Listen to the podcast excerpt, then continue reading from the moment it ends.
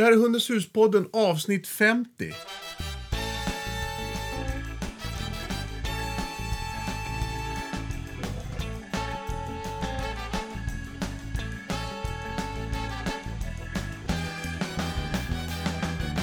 Tänk att vi har gjort 50 avsnitt. Plus. Ja, men det är plus 15 till tror jag faktiskt. Ja, Tänk att vi har gjort 75. 70 avsnitt kanske vi har gjort. Ja. Ja. Hörru du. Eh, Hundens hus-podd. Hundens hus, vad är Hundens hus? Ett kunskapscenter för dig som är hundägare eller för dig som vill arbeta professionellt med hundar. Mm. Och mitt namn är Jörgen eh, Danielsson och du heter? Silla Danielsson. Ja. Och det är du som driver Hundens hus? Tillsammans med di- andra. med dina medarbetare? Mm. Hör du, eh, vi har ju haft ett par avsnitt som handlat om hundmöten. Mm.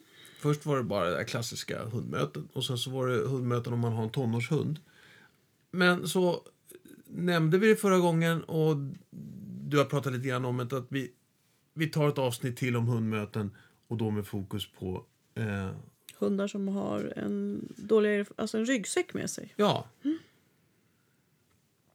Eh, och, och alla har vi ryggsäckar med oss, men de här är en dålig ryggsäck.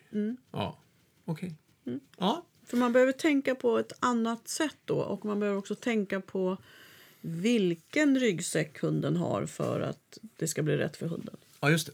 För det finns ju olika ryggsäckar inom ryggsäckarna också. Just det, Ja, exakt. så nu fokuserar vi på det. Ja.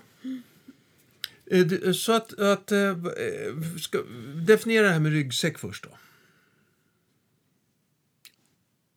Jag tänker att när man pratar om att en individ har en ryggsäck så handlar det om livets erfarenheter och eh, hur man, hur man, vad man har gått igenom och också faktiskt vad man har för gener och arv och påverkan från tidigt stadie. Eh, Allting samlas i det som man då i vardagligt tal kallar för en ryggsäck. Så vissa individer har lätta ryggsäckar och andra har medeltunga och medan det finns några individer som har en väldigt, väldigt tung ryggsäck för att de har råkat illa ut. Ja. Men, och de, de vi ska prata om, om här nu då? Det är de med tyngre ryggsäckar som har Ja, haft det tufft i livet eller har svårigheter eller eh, ja, olika saker runt omkring ryggsäcken. Vad som finns i ryggsäcken. ja. Eh, så, så, att, så hur lägger vi upp det här då? Menar du? Ska vi säga, okej den här hunden har den här typen av ryggsäcken, vad ska jag tänka på då? Den här hunden har den här typen av ryggsäck, vad ska jag tänka på då? Och den tredje hunden har den här typen av ryggsäck. Jag tycker att vi stryker ordet ryggsäck nu. Ja, Ja, och så pratar vi om de bagage istället. Nej, vi pratar, nej, för det blir otydligt Ja. upplever jag. Ehm, inte, inte ordet ryggsäck, att vi har ett tungt bagage. Men nu, nu ska vi gå in på innehållet i ryggsäcken. Så Ja. vi lämnar ryggsäcken och så tittar vi på vad är, vilka faktorer är det som påverkar en hund till att agera som vi upplever på ett dåligt sätt. Eller ett skamfullt sätt. All right. Eh, Eller eh, vissa hundägare kan uppleva att hunden är extremt aggressiv och så kanske den är rädd. Men vilka faktorer är det som gör att hunden har de här beteendena som vi hundägare inte vill ha och som inte är helt acceptabla i samhället och som gör att man, man eh, kan dra sig för att gå ut med hunden. Man skäms om hunden gör utfall. Hunden kanske till och med har bitit någon eller blivit biten. Ehm, Så det är det jag tänker att vi ska titta på. jättest, jättestort. Det här är jättestort. Men jag sa, jag sa ju det, Ja, Jörgen. men, men, men, eh, alltså, men då får vi inte tappa liksom linjen här att det handlar främst om hundmöten. För just nu så lät det som en hel... Liksom, eh, det lät jättestort. Jag kommer inte tappa linjen. Nej, nej, nej, nej vad bra. Vad bra. Vad bra. Då, då, då hänger jag med där någonstans. Så att, eh, först så tänker jag så här. Vad, om jag nu har en hund som jag upplever har att jag får problem när hunden möter. För det är inte säkert att hunden har problem med andra Nej. hundar. Men jag kan få problem. Ja. Eh, och det ska vi prata väldigt lite om. För att en hund som är, är, är av en vaktande ras, eh, till exempel, eller en herdehund, de har vi ju avlat på, så de är genetiskt, ska ju säga till andra individer flytta på dig för här kommer jag eller Ja. här bor jag. Så att där är ju ryggsäcken full av vår egen avel. Vi har avlat på individer som ska stöta bort andra. Ja, just det. Ja. Så att, eh, Så och det är inte- inte ett problem för hunden. Nej. Men det kan bli ett problem för hundägaren. Men jag tänkte det kan vi lämna åt sidan. Ja. Och självklart ska du som upplever att det är ett problem. Hunden eh, verkar, verkar inte ha problem, men du har problem och du har en vaktande hund. Då ska ju du naturligtvis ta kontakt med någon som kan hjälpa dig. Ja. Men, så det kan till och med bli ett fjärde program av hundmöten. Men det tänker vi inte prata om nu. Utan Nej. nu fokuserar vi på de individerna som... Det är bra att du säger att och det tänker inte vi prata om nu med eftertryck på vi som en liten signal till mig att Jörgen går inte in i det här. Exakt. Nej. För du kan ju bli lite nyfiken Ja, ibland. jag kan bli nyfiken ibland. Och sen så var det också så att du sa tydligt också, och, ju- och det här kommer vi inte prata så mycket om nu, sa du också. Mm. Ja, innan du drog igång. Mm. Så vad ska vi Det- prata om nu, Nej, Jörgen? du skulle hålla linjen. Jag har tappat den. Nej, Ja. men okej, men så de släpper vi, de som faktiskt, där, där, där, det, det, är inte, det är inte jobbigt för hunden utan det är hunden som är avlad till att liksom se till att folk håller sig och andra hundar håller sig på distans. Så att säga. Liksom det, det ingår liksom i hela jobbet. Men med det sagt behöver man liksom inte genomleva det. Nej, för det finns absolut saker man kan göra för att... Och lite av det kanske vi pratade om faktiskt i första programmet också. Ja, Med lite avstånd Ja, och lite buffra och lite ja. jag tar kommandot eller så. precis. Okej, men nu då? Det vi ska prata om. Vad är det som gör att hundar reagerar på andra hundar?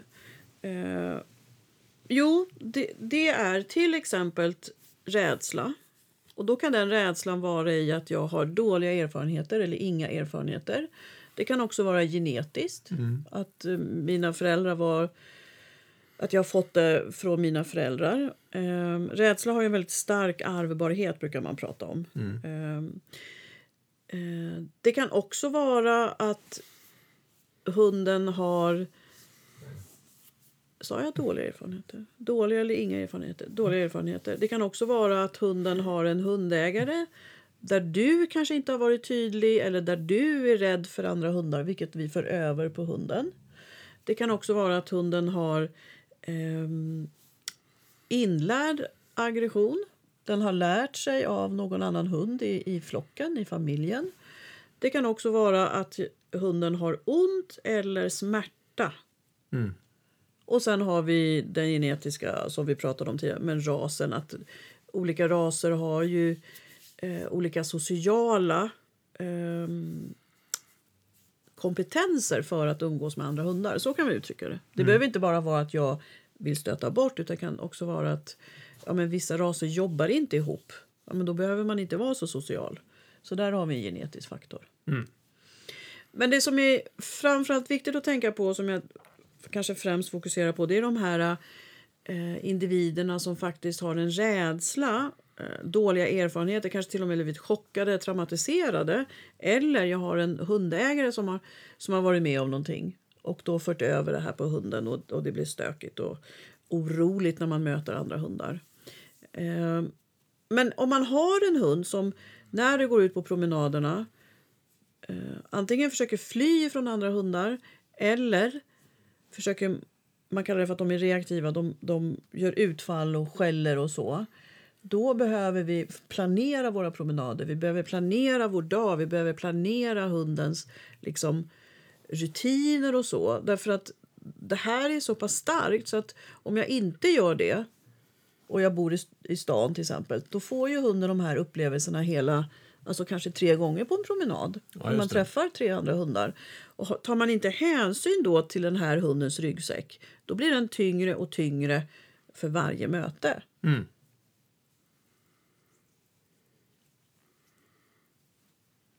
Vad tyst du blev. Ja, nej, och då tänker jag så här, ja men alltså...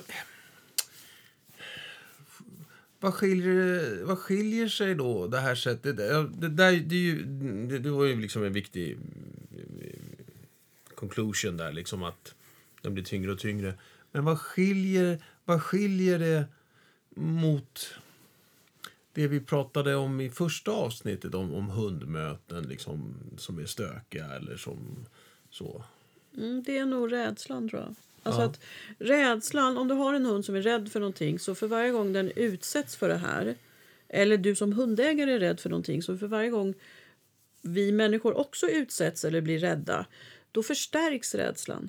För det finns ingen lösning. Jag hamnar i en situation där jag upplever en stark emotion, det vill säga rädsla. Och kan jag inte eh, eh, liksom förhålla mig eller jag får genomlida det här mötet eller vad det nu kan vara, då förstärks den. Det är ingenting som försvinner av sig själv. Nej. En stökig tonårshund, visst du behöver jobba med den och se till att det blir bra möten och så, men det är ju också en period där hunden är utåtagerande och testar lite och så. Och det behöv, vi ska absolut jobba med det. Men ryggsäcken blir inte tyngre och tyngre som det blir för en hund som är rädd. Nej. Så där är den största skillnaden. Och det, vi pratade om att vara förberedda när vi gick ut med tonårshunden också. Eh, men i det här fallet när du har en hund som faktiskt får panik eller har varit med om ett trauma, har chock av andra hundar, då behöver man ju skydda sin hund och titta på när kan jag gå ut och hur ska jag gå ut och hur kan jag bygga upp hundens självkänsla? För det finns ju en tonårshund som är stökig eller en hund som vaktar, där behöver du inte bygga självkänsla. Nej. Om inte tonårshunden är rädd, men då behöver man ju bygga självkänsla.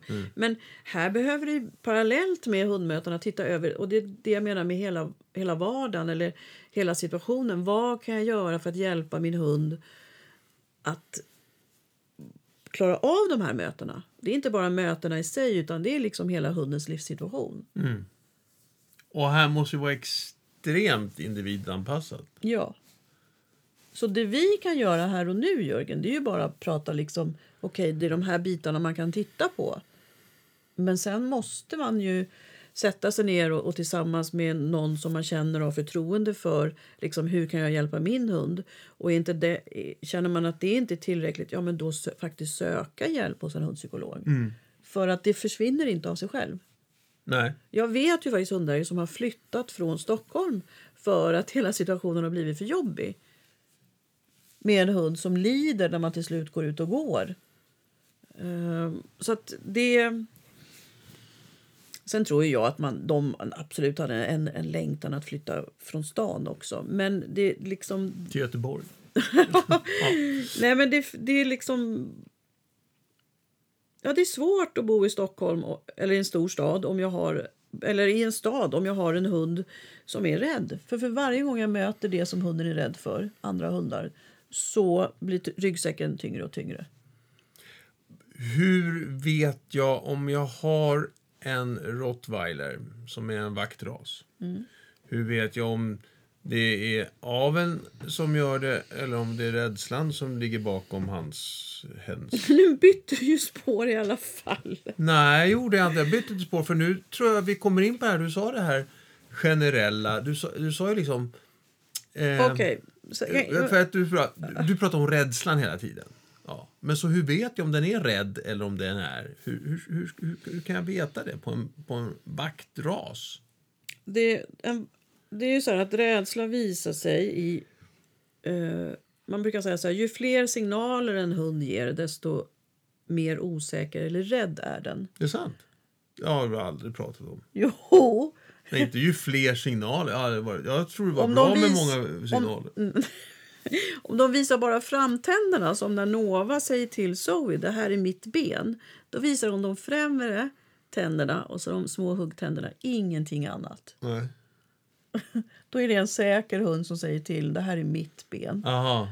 Om hon visar alla tänder, då är hon en osäker hund som säger det här är mitt ben. Du, när du kommunicerar så pratar du väldigt mycket hela tiden och uttrycker dig med alla möjliga medel. Eh, Jag uppfattar inte dig så osäker. Nej, men jag hade en tuff barndom. Ja. Så jag kommer väl därifrån. Man blir inte av med allting, Jörgen. Utan Nej, nej. Man måste ju liksom Ja. fortsätta att hävda sig och så även om jag, om jag är trygg idag. All right. Ja. Eh, nej, men Så, så, ju, ju mer stök det är, ja. Det var... kan man säga. Fr- från, från desto troligen räddare är hunden. Osäkrare, till Osäkrare, rädd. mm. Ja. Det var jättebra, därför att det är också så att en, en säker hund behöver inte låta så mycket. Nej. Om du tänker hur, hur dovt Nova bara mm, till att eh, ibland Zoe när hon liksom ska fräsa ifrån när de kommer för nära hennes, då är det ju mycket tänder Ja. och det låter och det är mycket ragg och hela hon är spänd Ja. medan Nova är samlad, centrerad och bara säger ge fan i mitt ben tonåring. Ja. Så. Ehm, så att, och det är också så här att nu hamnar vi på hundspråk, men för att förklara då en hund som är rädd brukar man säga ju gällare morret eller skallet är, Ja. desto osäkrare räddare hund. Så Ja. har du en hund som står och morrar dovt med ragg, visar tänder och så, men stadig liksom. Den är troligtvis ganska säker. Men om den börjar visa mer ragg och, och skallet går över, morrandet går över mer och mer i falsett, kanske börjar titta åt sidan, kanske vinklar tyngdpunkten bak, ja, men då börjar hunden bli osäker. Ehm, Ja, du, så, ja, men, så sa du, nu håller vi på att glida över till hundspråk här. Men eh, är det inte det det handlar om delvis? Ja, men du inte, om du inte vet att din hund är rädd. Jag tror att de flesta faktiskt vet att min hund är rädd. Eh, Så det var därför jag tyckte att vi by- bytte lite sidospår. Men alla, och det sa jag i början, en del kan ju tro att hunden är eh, balanserad och stadig. Men egentligen så är den rädd därför att man låter hunden ta den rollen när den inte klarar av det. Till exempel om vi nu ska hålla oss fast vid rottweiler. Och vi älskar ju rottweilers. Så det är inget fel. Alltså Nej, det är nej, ras, nej, det är ingen rasantagonister utan det är ju fantastiska hundar. Ehm, så ja, men är man osäker på om hunden är rädd eller inte, titta på kroppsspråket och ehm, Kommer man, är det också så att de, de hundarna eh, går in i en, en, ett stressläge också så att det är svårare att nå fram till dem Ja. när, när, ja. när, eh, när det händer? För det, men, men, Alltså Nova kan jag ju prata med, om man går förbi en hund så, så, så är det inga problem att, att föra en dialog med henne och säga vi går vidare eller vi passerar eller så. Hon, precis. ja, hon, hon är inte osäker så hon är fortfarande på grönt. Mm. Medan en rädd hund blir ju stressad och går upp på orange och sen på rött. Och det Ja. är då utfallet är. Eh, och det som är det är att en hund som är rädd och på, på rött ljus, de kan ju inte analysera. Så det kan ju bli en väldigt farlig situation. ja, de fattar inte att det inte är läge att ge sig, att de, de kommer inte vinna det här. Nej men de tänker, om man är på rött så har man ju Ja. kopplat bort cortex. Ja. Så de tänker inte. Nej, Utan är bara i fight flight, alltså i, ja just i den delen av hjärnan som vi kallar för, som heter amygdala och som då är känslocenter. Vi kallar den inte bara det. Nej, det, Nej, det är ingenting som Den kallades på. för reptilhjärnan tidigare. Ja. Ja, nej, men det, det var en bra utvikning, Jörgen. High Ja, five på ja. den! Ja. Kan vi inte sluta där medan det- allting känns bra? Det är viktigt för mitt bagage. Ja, Ja, jag förstår inför det. nästa Efter podd. gårdagens promenad. nej. Hör du? Ja, men så. Nej, men så, och är du osäker så filma och skicka till, in till närmsta instruktör hundpsykolog. Så här ser min hund ut. Behöver, är det en balanserad, trygg hund som säger flytta på det eller är det en hund som är rädd och säger hjälp, kom inte hit för då, då, då flyr jag eller slåss jag. Och då får man tillbaks, ja det här är en rädd hund. Mm. Vad ska jag tänka på då? Nej, men då är det så här, då... Ja, ja, eh, som jag sa tidigare, sätt dig med en god vän eller en instruktör som du känner. Alternativt sök hjälp hos hundpsykolog direkt. För det vi tittar på, det är liksom... Eh, faktiskt, hur har, hur har det varit redan i valplådan? Hur var, hur var det med konkurrens och hur var det med mellan syskonen? Var det en ensam valp så kan man ha jätteproblem med hundmöten för man har inte tränat överhuvudtaget Nej. på lek och socialt. Alltså språk, man har ingen språkutveckling om man är ensam valp. Ehm, Ensam valp, det vill säga i I kullen. kull. eh, Det var den enda valpen tiken fick. Ja. Ja. Och det kanske inte fanns fler andra vuxna hundar där utan bara tiken. Så då har man väldigt lite sociala färdigheter med sig när man flyttar till den nya familjen. Vi tittar ju på över och understimulering förhåll, alltså i förhållande till den rasen jag har valt. Det är ju stor skillnad på om jag har en mas eller om jag har en vinthund eller om jag har en, en labrador i vad hunden behöver i motion och mental stimulans. Till och med arbete för vissa hundar. Eh, för har jag, har jag för li, om jag är en individ som är orolig eller rädd och så får jag för lite att göra då slår ju stressen på. För jag har, mm. man har, jag har en, en, en, en för hög... Alltså, jag blir inte av med min energi. Nej. Och då ligger den där ungefär som när vattnet det ligger och småkokar. Ja. Och sen så blir jag inte av med det där genom arbete eller motion. Så när det dyker upp en hund, ja men då kokar vattnet upp och så mm. får jag en explosion. Mm. Det är hundar som ofta då antingen är understimulerade, man har för lite att göra eh, eller överstimulerade. Antingen när man har fel uppgifter eller lekar kontra eh, för mycket av någonting som... Alltså, Pinkastning ja. brukar vara en klassiker. Och Då bygger jag också på stressen som förvärrar rädslan i hundmötena. Sen så tittar jag också även på ja, men hur ser det ut i familjen. Är det så att det finns spänningar mellan eh, antingen människorna i familjen eh, eller hundarna? Eller mellan en, en människa och, och, hunden. Så, för det är ju så här, lever jag i en, i en familjesituation där, där jag inte är överens, då är det en stressfaktor som också kan visa sig i hundmötena om jag går omkring och är lite smårädd mm, mm. för att bli åhutad utan att veta varför mm. eller lite fyrkantiga lite kantiga samtal på kvällen som vi hade här om kvällen, mycket att göra och det blev liksom lite vasst sådär. Ja, nej, men har man det till vardags då, och man är beredd på att man blir tillsagd eller man, man eh, kommer i vägen för någon då spär ju det också på rädslan om jag inte är en säker individ. Ehm, så tittar liksom på familjerelationen. Gör jag. jag tittar även på hur har den här hunden blivit tränad. För att Det har ju visat sig att om man jobbar med aversiva metoder, det vill säga att jag har, är, tror att jag behöver vara en, en auktoritär människa gentemot min hund och kanske och korrigerar hellre korrigerar felbeteenden än belönar de beteenden jag vill ha. Och om jag då där går in, som tyvärr fortfarande vissa människor gör och vissa hundtränare förespråkar, till exempel ryck i koppel eller ja, men smäll till hunden lite grann eller biten över nosen eller så. Det har visat sig att den sortens träning gör hundar mer aggressiva. Mm. Och speciellt mot andra hundar.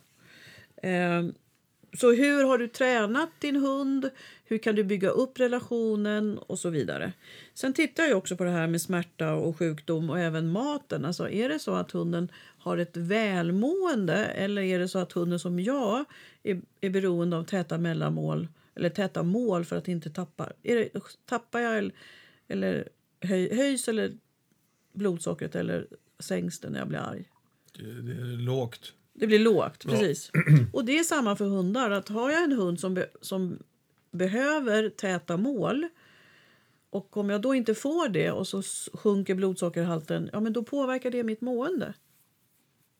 Ja.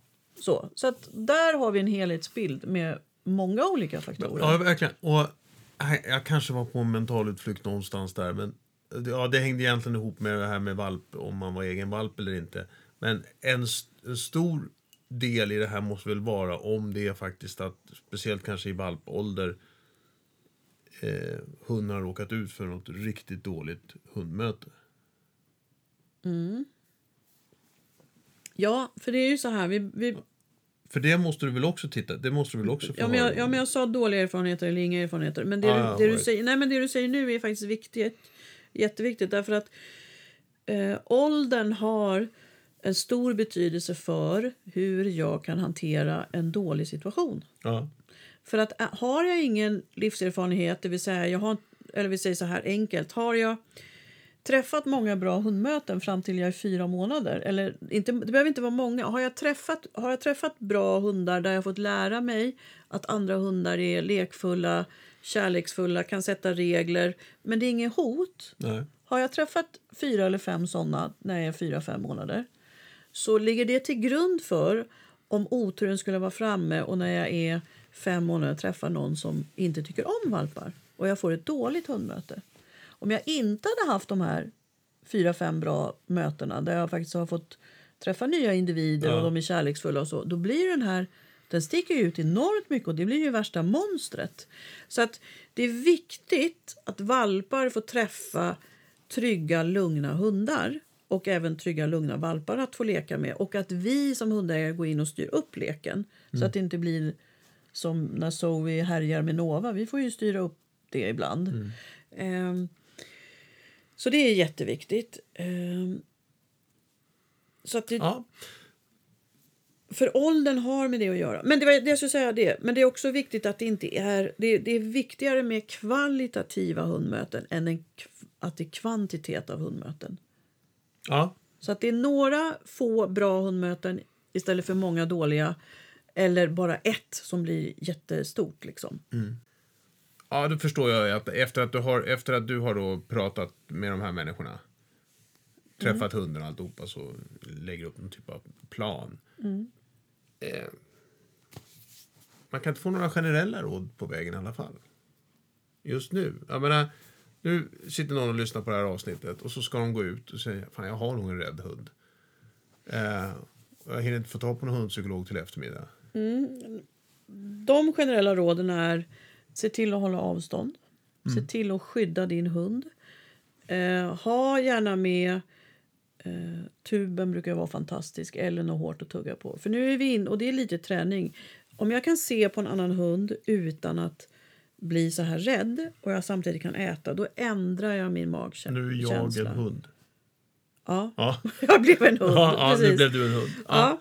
Och det kallas för motbetingning eller counter conditioning på Mm. Ja, engelska. just det. Och det här pratar vi om lite grann i del 1 på hundmötena. Ja, därför Ja. att det är verkligen den viktiga delen. För att om du har en hund som har, är rädd så är det ju viktigt att ändra känslan. Mm. Och sen när en, känslan är ändrad genom olika saker. Okej, är hunden eh, understimulerad? Ja, men då gör vi någonting bra. Vi gör nosework eller vildspår eller balanserar eller vad det nu kan vara.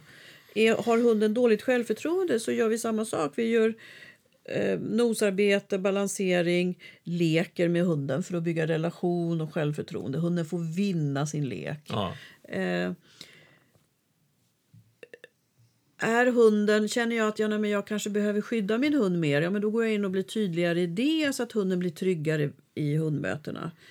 Eh, men om vi inte ändrar känslan samtidigt som vi gör alla de här andra parallella sakerna så kommer ju hunden fortfarande bära med sig de andra grejerna. Om hunden har till exempel tonsillit och på, har ont och reagerar ännu mer när den ser andra hundar så kommer det inte försvinna bara för att jag jobbar med självförtroende och hundmöten. Nej. Eller om hunden har ont i ryggen eller muskelbristning eller har lågt blodsocker.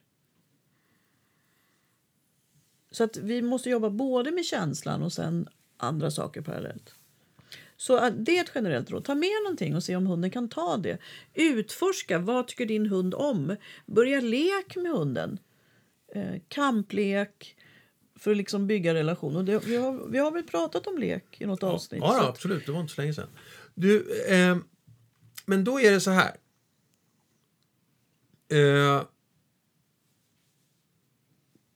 att om man, eh, om man går ut här nu på, efter man har lyssnat på det här och sen så ser man en hund och så tänker man så här, okej jag ska hålla avstånd.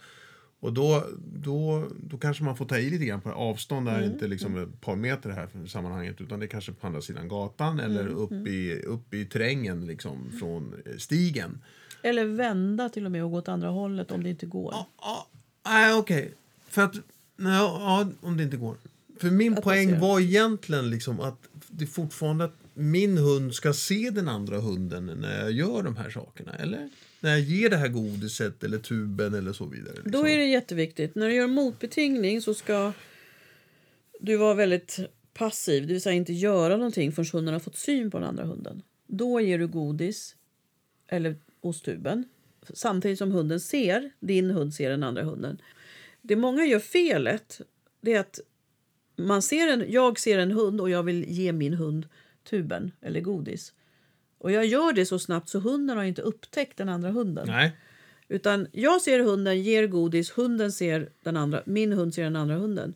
Då blir godiset, tuben, en trigger för andra hundar. Och det kallar man för poison food.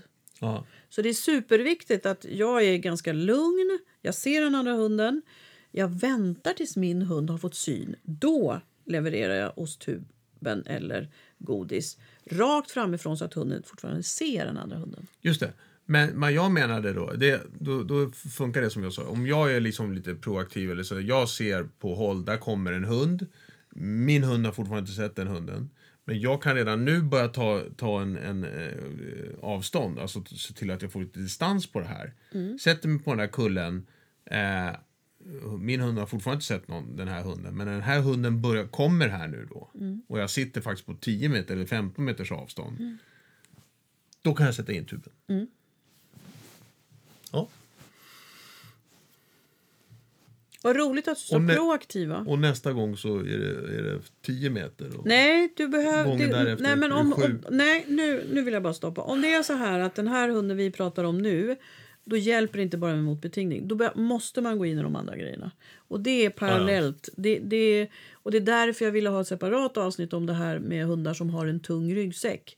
Ryggsäcken försvinner inte för att du matar med godis. Nej, Den är full med andra grejer. all right. Ryggsäcken hos en tonårshund kan försvinna när du matar med godis. Ja. Eh, Så du måste titta på relationen, ditt ledarskap, bygga hundens självförtroende, se till under och överstimulering, hundens kost, hundens sömn. Sover den ordentligt så att den inte liksom är, har något stresssymptom av det, alltså utmattningssyndrom.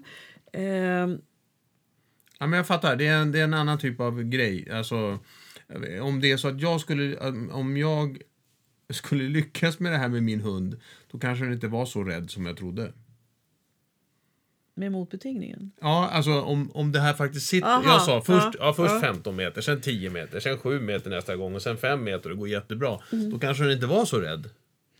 Nej, Då kanske inte nej, ryggsäcken var så stor med det. nej, den var rädd men ryggsäcken var inte så tung. Nej. Man kanske började i tid, så kan vi säga. Ja, så kan det också vara. Mm. Och hunden hade inte liksom någon smärta, sjukdom Nej. eller ehm, var inte över eller understimulerad. Ja, vad, vad bra att du sa proaktiv. För att det är nämligen så att Claudia på Hundens hus hon har eh, hon är jättebra på eh, en, av våra, en hundpsykolog och lärare på hundpsykologutbildningen och tycker om, hon har haft en BD Collie, vi har pratat om henne förut, som har bullerfobi. Eh, men hon har också tagit fram en kurs som heter Proaktiva lekar för reaktiva hundar. Ja, ja. Och nu vet inte jag när den börjar i Stockholm, eh, men vi kommer ju säkert ha fler av den. Så att det här med lekens betyder, jag vill, jag vill alltså återigen bara prata om hur viktigt det är att jag leker med min hund och att jag kan bygga min hund och jag kan liksom eh, lära hunden massa saker via leken. Sen om du inte tycker om att leka med din hund, kära lyssnare, så ska du ju inte tvinga dig till det. Men vi är lite sådär, ja men det är så bekvämt med godis. Och sen så glömmer man bort allt det andra som leken också kan ge. Ja, just det. Och sen måste det finnas en nivå på leken. Och, för jag var ju på Gärdet igår nu och nu har ju Zoe fyller ju åtta månader den, om bara några dagar. Och nu har hon ju blivit eh, ton, tonåring och eh, har lite uppsökande verksamhet på joggare och, och andra hundar på Gärdet och cyklister och sådär. Så att jag tränar ju inkallning sten hårt med Ja. henne nu så att det ska sitta till 100 procent. För hon är så extremt snabb så hon är, ja, hon är explosiv. Working dog, helt underbart. Eh, men för att belöna henne då från en inkallning så vill jag också ladda med leken. Eh, men jag märker att när vi leker så går ju hon ännu mer upp och då blir hon ännu mer så här utåt Ja, och kolla, är det någon annan jag kan springa efter och bli av med massa energi. Så nu... Då hör du tonåringen. Ja, verkligen. verkligen. Ja. Så nu har jag också börjat liksom tänka, okej, eh, vad gör jag efter leken? Och när leker jag? kan ju inte leka med henne om det är en, en joggare som springer förbi åt andra hållet. Eh, för den måste ha kommit på lagom långt avstånd. Utan okej, jag leker med henne, jag vänder upp henne och vi knallar iväg med leksaker. Hon är helt... Aah! Så. Och sen kanske jag gör ett godissök eller jag sätter mig ner och masserar henne. Men jag kan inte som jag bara för två veckor sedan bara leka med henne och släppa henne. Nej. För nu jäklar anå- är, vad heter det, anådan. Så, Nu jäklar anåda. ja nu jäklar Ja. anåda. Så är hon så liksom, vad är de, vad är de? Jag ska valla dem allihopa. och hon är ju inte liksom arg eller så, men hon är ju ta med tusan en vallare och Ja. dig har hon ju bitit i vaden. Ja. Så varför inte bita ett cykeldäck? Eller hur? Eller någon vacker häst som jag såg igår och bara, nu går vi häråt. Och då gjorde jag lite motbetingning på långt håll. Ja. Eller inte lite, jag gjorde motbetingning. Ja. Så nu letar vi hästar med motbetingning och sen så kör vi stenhårt med inkallning. Och så är jag väldigt noga med, okej, var belönar jag liksom henne? Åt vilket håll är hon riktad när jag belönar henne? Och hur belönar jag henne? Och vad gör jag efter belöningen? Det är därför du har fått lite Zoe-stopp nu på Gärdet. Ja, ja, ja, ja, det, det, det går alldeles utmärkt. Ja. Ja. För nu måste vi jobba igenom det här. Och jag Ja. tänker att, ja, i juni igen kan du få gå med henne. ja. Perfekt. Ja, men bra Silla. Eh, vad spännande. Ja, men har jag sagt allt nu då, tror du? Har du några frågor om rädda hundar och hundmöten? Nej, nej det har jag egentligen inte. Det var klart som korvspad. Ja, det var klart som korvspad. Nej, men på den nivån av rädsla som du pratar om. Vi har ju pratat om, om hundmöten förut med generellt sådär. Jag och jag tyckte det var bra det här med förtydligande kring, kring tänk på vad det är för ras du har liksom så att du inte blandar ihop saker och ting. Ehm, med rädsla. Ehm, men, men har man en sån här jätte, verkligen rädd hund så behöver man ha eh, någon som, som kan hjälpa en. Men jag skulle vilja säga så här, om du har en hund som är rädd och, blir, och att rädslan eskalerar, då behöver du ta hjälp. För annars Ja. så blir den jätterädd. För det Ja. hjälper alltså inte med de vanliga åtgärderna Nej. mot betingning Nej. och förhålla mig till andra hundar. Utan då måste man liksom leta vidare.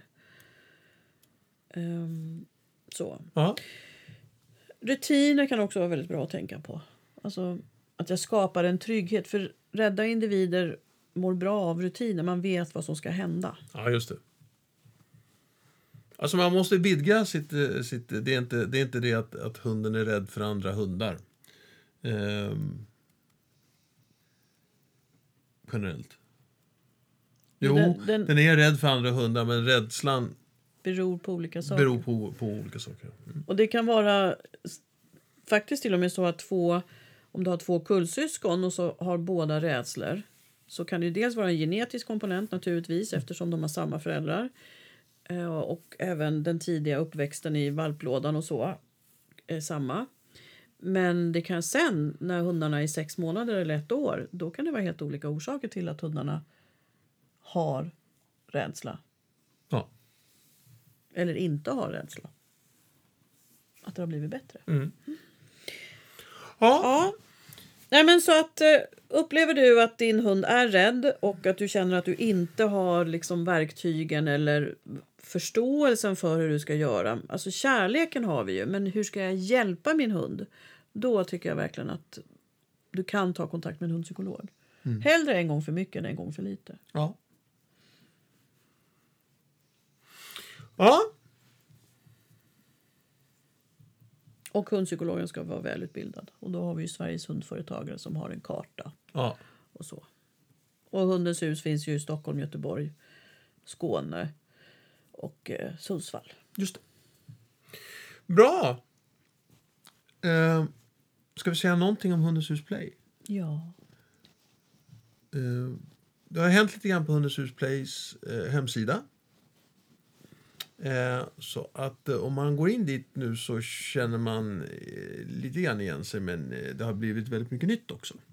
Och bland annat så ligger ett, ett stort antal föreläsningar av dig uppe. Zoom-föreläsningar inspelade. Och det ligger ett antal kommande eh, live-föreläsningar. Och huvudet på din hund som vi körde 6 december den kommer också här nu vara ute till försäljning i, i eh, mitten på april. Kommer man få möjlighet. Och sen så finns det lite annat smått och gott. Och så där kan man också komma åt hela podden. Eh, Ja. Alla avsnitten eh, kommer ligga där. Eh, så att det är jätteroligt. Och den är skitsnygg, Jörgen. Ja, den, den blev, den blev lite, lite, lite snygg faktiskt. Mm. Och utvecklas hela tiden. Och ser ni något och hör ni något och så som inte funkar riktigt så hör av er bara. så, så Det är alltså vi det. Jörgen som har byggt den, ska jag säga då. Ja. Med lite hjälp från en, en plattform. Eh, men, ja, så det är lite roligt. Det är lite Det är kul. jätteroligt. Ja, det är det faktiskt. Ja. Mm, Så, gå in och titta. Hundens hus, play.se. Eh, Play.hundeshus.se men, men eh, man kan söka på Hundens hus Play så kommer man dit också. Eh, men vi lägger en länk i det här utskicket, i, i informationen här på Podbean. Yes. Ja, tack då Silla. Tack då Jörgen. Ja. Och lycka till med din hund. Sök hundpsykolog om du känner att du vill ha hjälp. Ja, bra. Okej, Ha det bra. hej då. Hej!